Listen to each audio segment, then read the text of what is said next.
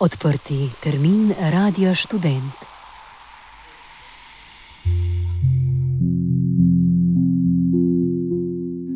Pozdravljeni poslušalke in poslušalci. Danes snemamo SARS, to je podcast o novem koronavirusu. Um, govorili bomo o uporabi oziroma o razvoju oziroma o, o zakonih, ki naj bi podpirali uvedbo aplikacije za sledenje stikom. Z mano je še Jure Plaskan. Iz aktualno-politične redakcije, gostja pa ima Piko Šarf iz Inštituta za kriminologijo pri Pravni fakulteti v Ljubljani. Živijo.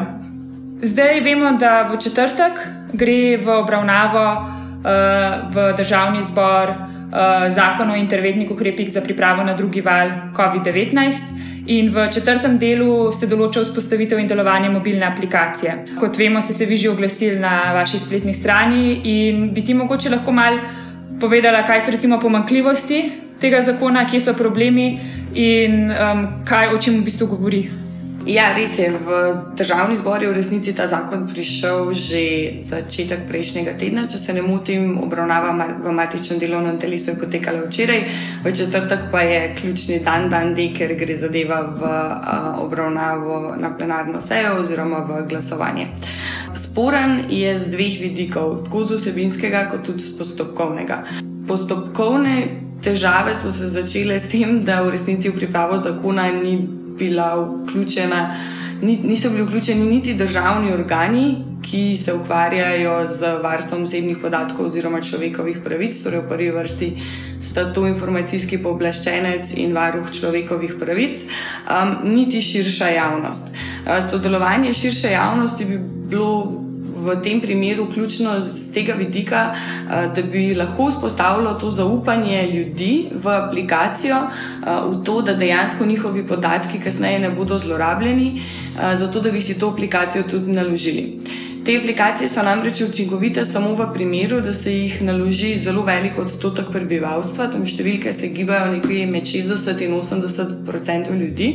Um, in če upoštevamo tudi dejstvo, da si kar nekaj, um, kar velik del prebivalstva teh aplikacij ne more naložiti, uh, ker enostavno nimajo pametnega telefona, je res ključnega pomena, da tisti, ki to lahko storijo, uh, vanje zaupajo in tudi, tudi, to, tudi to naredijo drug sklop težav pa je popolnoma vsebinski uh, in sicer um, je zakon precej skup in ne določa niti tega, kdo naj bi te podatke sploh obdeloval. V resnici ne vemo niti, ali se bodo zbirali decentralizirano ali, bo, ali je bila zbrana ta centralizirana um, zbirka podatkov, ki je z, z vidika varstva zasebnosti in um, osebnih podatkov veliko manj prijazna, zato se je veliko evropskih držav uprlo te, um, takšnemu načinu zbiranja podatkov. Um, niti ne vemo, koliko časa naj bi ta ukrep trajal.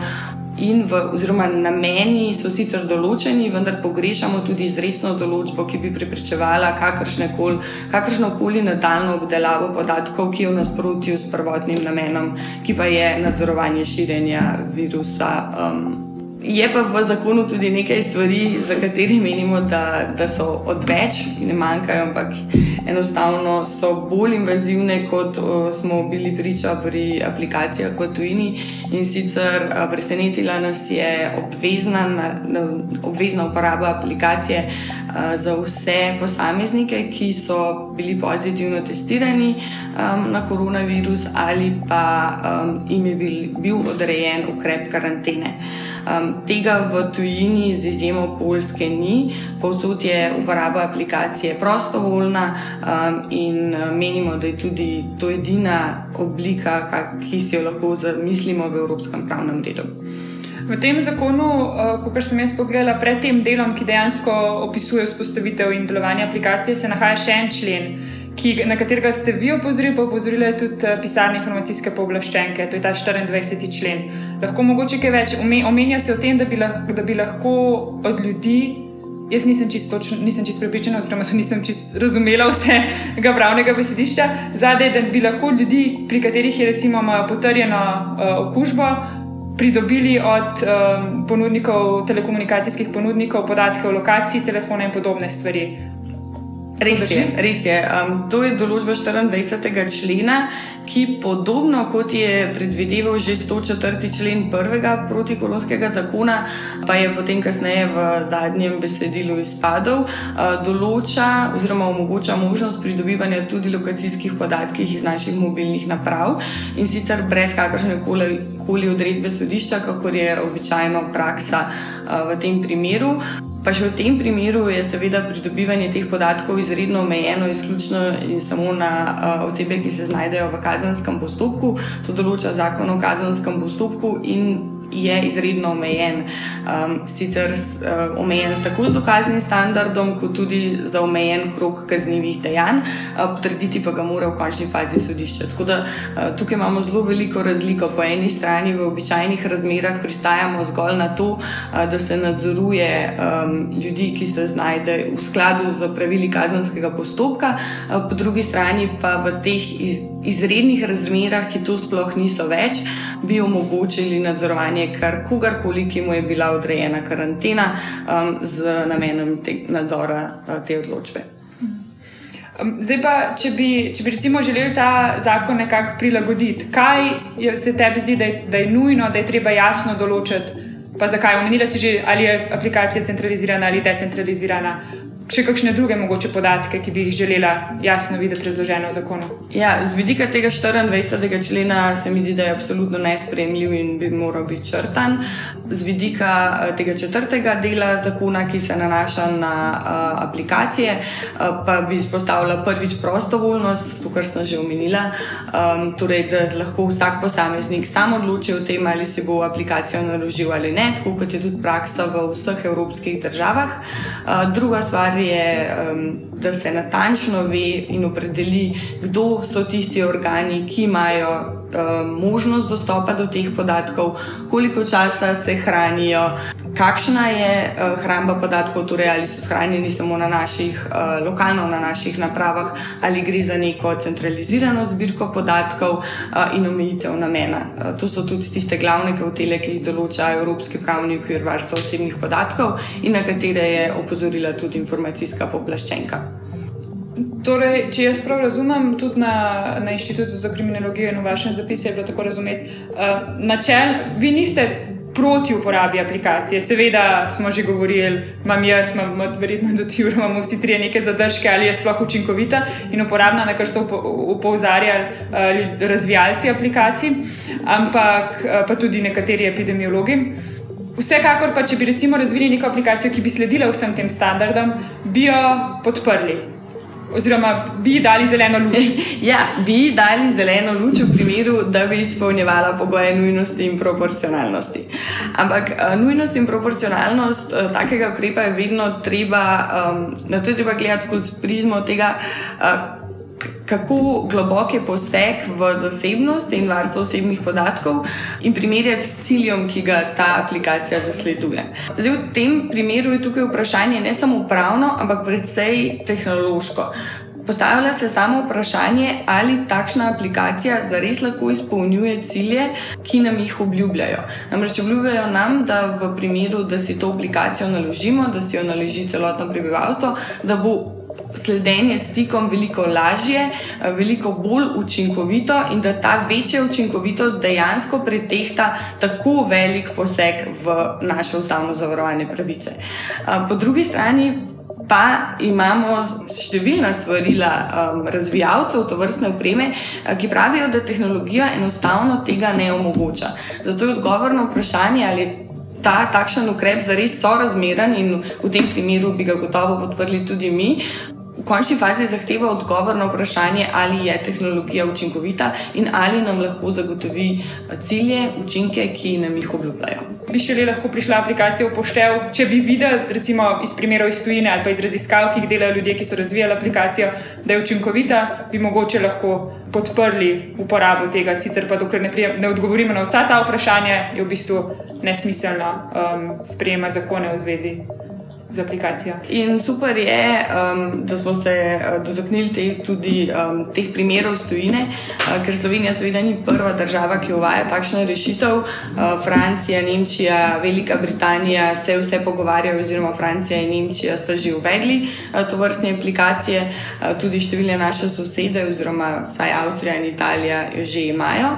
Um, in zelo dobro bi bilo pogledati kakšne izkušnje za, z uporabo aplikacije imajo druge države, preden se za ta odločilen korak odločamo tudi sami. Um, sploh zaradi tega, ker v resnici izkušnje niso tako zelo pozitivne, um, kot so sprva mislili. Uh, v, uh, na Norveškem, naprimer, so, je informacijski pooblaščenec njihovo uporabo aplikacije že začasno ustavil, zaradi tega, ker je ocenil, da je to vrsten ukrep popolnoma nesorazmeren glede na uh, učinke, ki jih dosega. Namreč, uh, bilo je z uporabo, z nekaj milijonsko uporabo te aplikacije, bilo odkritih zgolj nekaj pozitivnih uh, oseb. In tudi v drugih državah v resnici opažajo, da um, ne dosega zadostne um, razširjenosti med populacijo. Uh, naprimer v Nemčiji je bila, bila naložena v prvem tednu, mislim, da 13 milijonkrat, um, kar se morda sliši veliko, pa vendar, če pomislimo na to, uh, kako um, na število prebivalstva Nemčije, ugotovimo, da je to popolnoma nezadostna številka za to, da bi bila dejansko aplikacija učinkovita. Uh, in to je definitivno definitivno treba upoštevati, ko se pogovarjamo pri uh, uvajanju te vrstne aplikacije pri nas. Zaradi tega, ker verjetno bodo trendi, ki so jim priča v tujini, um, bomo tem trendom sledili tudi mi. Uh, jaz bi se mogoče sam vrnil še malo nazaj na to vprašanje decentraliziranega ali pa centraliziranega pač, tega zbiranja podatkov. Uh, v bistvu, kaj tukaj zdaj bi bilo idealno, kdo, kdo je tisti, ki bi upravljal s to bazo podatkov in zdaj bi so kaj lahko nevarnost, če pač uh, pride do centraliziranega zbiranja podatkov, oziroma kaj so tukaj lahko potem posledice. Čez konkretne. Ja, idealno bi bilo, oziroma to, to je možnost, ki jo imamo, in, in to je decentralizirana hramba podatkov. Torej, da se podatki res ne hranijo v eni centralizirani zbirki, jo, s katero upravlja država, ampak um, so hranjeni samo na naši napravi in se posredujejo, in se ne posredujejo. Um, v neko centralno hrambo. Um, pri, v našem primeru je problematično to, da ne vemo zares, kdo naj bi upravljal s temi našimi podatki in kam naj bi se te podatki posredovali, ter tudi kdo bi imel lahko potem nadaljni dostop do njih, ker lahko um, ima dostop do podatkov tudi nekdo, ki ga v osnovni. V tej prvotni fazi ni zbral. Ne. Drugo vprašanje ki pa tudi izhaja iz našega zakona, pa je vprašanje anonimnosti teh podatkov. Namreč zakon izredno navaja, da bodo podatki, ki se bodo shranjevali, um, da bodo anonimni. Um, kar je zelo težko verjeti, glede na to, da v naslednjem koraku oziroma v naslednjem členu zakona razlaga, da bo ostajal osebam. Uh, za katere bo uporaba aplikacije obvezna, uh, dodeljena QR koda in na podlagi te QR kode se bodo morali upisati v aplikacijo. Torej, če, v primeru, da posamezniku QR kodo dodeli država, je več kot očitna ta povezava med državo in posameznikom, med uh, identifikacijskimi podatki posameznika in državo. Tudi če samim ostalim posameznikom, uporabnikom te aplikacije, ta uh, oseba ne bo, oziroma ne bodo, morali, ne bodo mogli identificirati uh, tega posameznika, pa to ne pomeni, da identifikacija za državo ne bo mogoča. Ker na podlagi te QR kode bodo oni lahko prišli uh, do osebnih podatkov posameznika, zato je trditi, da gre za anonimne osebne podatke, oziroma za podatke, ki um, sploh niso osebni in zato za njih ne veljajo vsa pravila, ki sicer veljajo za varstvo osebnih podatkov v Evropski uniji, popolnoma nespremljivo. Ali se ti zdi, da bi v bistvu aplikacija tudi mogla imeti možnost, vem, da naš zakon predvideva, da je obvezna, če si pozitiven za testo za korono, oziroma če ti je odrejena karantena. Ampak ali bi mogla imeti tudi možnost, da ko ti recimo dobiš pozitiven test, če imaš recimo aplikacijo, da se ti odločiš, da svoje kode pa ne daš v aplikacijo? Ja, to bi bilo smiselno. Tudi v nekaterih drugih državah imajo to možnost, predvsem. Um, pa je onemogočeno, da se posameznik uh, sam odloči, da bo upisal ta podatek v aplikacijo, uh, v primeru, ko nima pozitivne odločitve, oziroma ko ni potrjeno pozitiven. Uh, v tem primeru, da bi se posamezniki lahko sami odločali, v tem bi lahko prihajalo do številnih zlorab, uh, s tem, da bi uh, lahko osebe, ki so negativne, vnašale podatke oziroma vnašale to, da so pozitivne v aplikacijo in s tem lahko ustvarjale neko paniko v družbi. Zato ta, ta del se mi zdi zelo smiselno, da je izključen uh, in tudi uh, v redu je, da se lahko posameznik sam odloči o tem, ali je vključen ali ne. Ne vem, če si spremljala, ampak mislim, da na Novi Zelandiji, predvsem pa v Južni Koreji, imajo zdaj idejo z malo drugačno aplikacijo. Ne? Pri tem, um, poznaš? uh, te zapisnice za sledenje? Ne, v bistvu sem imela nekaj drugega v mislih, mm -hmm. lahko pa pa že kaj v zapisnicah rečemo. Ampak v bistvu ideja Južne Koreje je, da odkrili so, oziroma zdaj mislim, da se že kar dobro ve z različnimi raziskavami, da ima ta virus eno lastnost super širjenja. Se pravi, da pogosto krat se zgodi, da človek, ki je okužen, sploh ne okuži nobenega naprej, se pa v določenih kontekstih, se pravi, zaprt prostor, slaba cirkulacija zraka, veliko ljudi na kupu, ni ohranjene fizične razdalje, ni nošnje mask in podobno, zgodi, da lahko en okuženi okuži pet plus ljudi, tudi recimo deset plus in več. In to je bil recimo primer tistega izbruha v Južni Koreji, ko je po nočnih klubih kar naenkrat bilo na sto na, na novo okuženih. Um, v Južni Koreji so predtem nekako zapisovali si um, ime, primek, telefon, naslove in vse to, vseh ljudi, ki so šli v nočne klube. In so ugotovili, da so s tem odkrili samo 40 odstotkov stikov, se mi zdi. Um, podobno delajo drugače tudi v, v britanskih pubih, če koga zanima, dobiš listek in, in se upišeš, da, da si bil. Um, Mimo grede v, v Britaniji so zdaj pogruntali, ko so odprli uh, pube med vikendom, da pijani ljudje ne sledijo pravilom fizične distance. kar je, kar, kar je zanimivo. Um, no, v Južni Koreji pa so, da bi se temu izognili, v bistvu zdaj naredili aplikacijo, kjer posnameš QR kode, naloži si aplikacijo, ta aplikacija pa shranjuje QR kode pred vstopom v klub. Um, torej, na ta način zdaj beležijo, kdo je bil v katerem nočnem klubu ali pa lokalu. In um, tukaj je verjetno še več problemov z zasebnostjo, ali ne, v taki vrsti aplikacije. Ali bi to sedaj kako rešiti? Um, ker v bistvu ti s tem v bistvu poveš svojo lokacijo, ne imaš shranjeno lokacijo, kje si bil. Ja, res je, ampak to, ta podatek shranjujejo verjetno samo klubi, ki so potem v primeru izbruha to dolžni posredovati državi. Na takšen mm. način predvidevam, da zadeva deluje. Ja, aplikacija po mojem shranjuje, ne vem, pa aplikacija pa po mojem državna, tako da ne vem spet je to neka baza podatkov. Ja, spet obstaja baza podatkov, mogo... kjer lahko ti v resnici slediš na, ne, ne samo lokacijam, ampak zelo določenim navadam posameznikov. Tako da, ja, tudi ta aplikacija bi bila, bi bila seveda, poseg v zasebnost. Ja, se meni, ja. men, mislim, meni se tudi um, tako zdi. Samo um, iz vidika same epidemiologije, oziroma načina širjenja virusa, se mi zdi ta aplikacija skoraj bolj da bi lahko imela večjo učinkovitost. Je pa, je pa velika razlika med to aplikacijo, med aplikacijo, ki jo uvajamo v Evropi, in med temi aplikacijami, v tem, da v resnici za te naše evropske aplikacije. Uh, Je v resnici potreben poseg v zasebnost celotnega prebivalstva. Medtem, ko imaš v teh aplikacijah v Južni Koreji, skratka, ne vem, kje si že na Novi Zelandiji, um, se ti lahko temu nadzoru popolnoma izogneš, če prav razumem delovanje. Zaradi tega, ker v resnici s tem, ko ti greš v klub, pač se odrečeš delu svoje zasebnosti z namenom, da lahko pač uživaš tisto noč oziroma kakšne koli druge um, ugodnosti dobivaš. Um, in s tem pač pristajaš na, na sledenje velik, velik del prebivalstva pa iz tega sledenja izključen. In niti sledenje njim ni potrebno, zato da se, zato, da se nadzoruje ta manjši del prebivalstva, um, ki, mu je, ki mu je pač oduzeta ta manjša pre, ta pravica z uh, namenom, da pač lahko še vedno uživa določene. Um, Do, do, pač določene stvari, ki so bile v času uh, korone, popolnoma uh, nemogoče.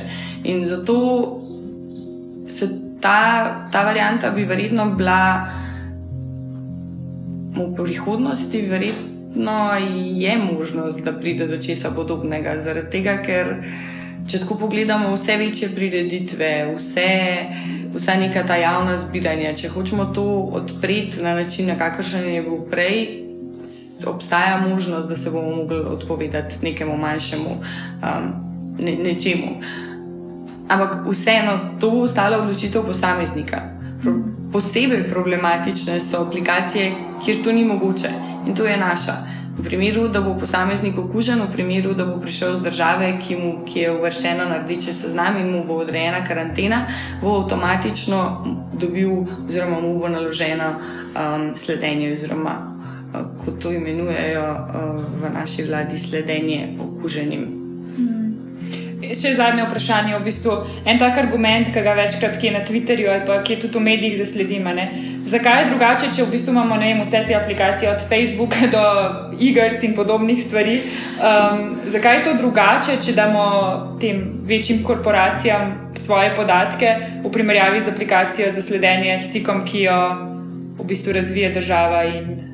Ja, ta, to, to je argument, ki se pojavi vsakič, ko se odpirajo vprašanja o varstvu osebnih podatkov in zasebnosti, um, in uh, želimo.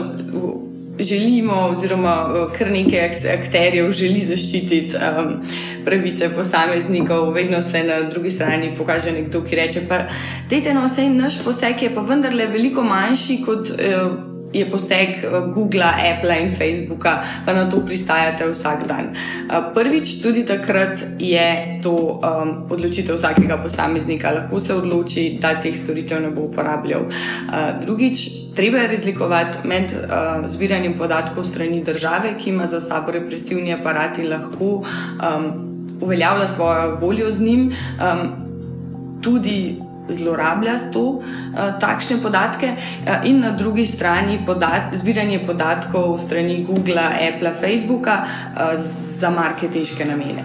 Verjetno um, se vsi na nek način pristajamo na to, da nam uh, Facebook ponudi uro na mesto avta, ker ga ne potrebujemo, po drugi strani pa verjetno se večina izmed nas ima precej večje težave s tem, da osebne podatke, tudi tiste najbolj občutljive, kar pa so podatki, ki bi jih zbirale te aplikacije, pridobiva država.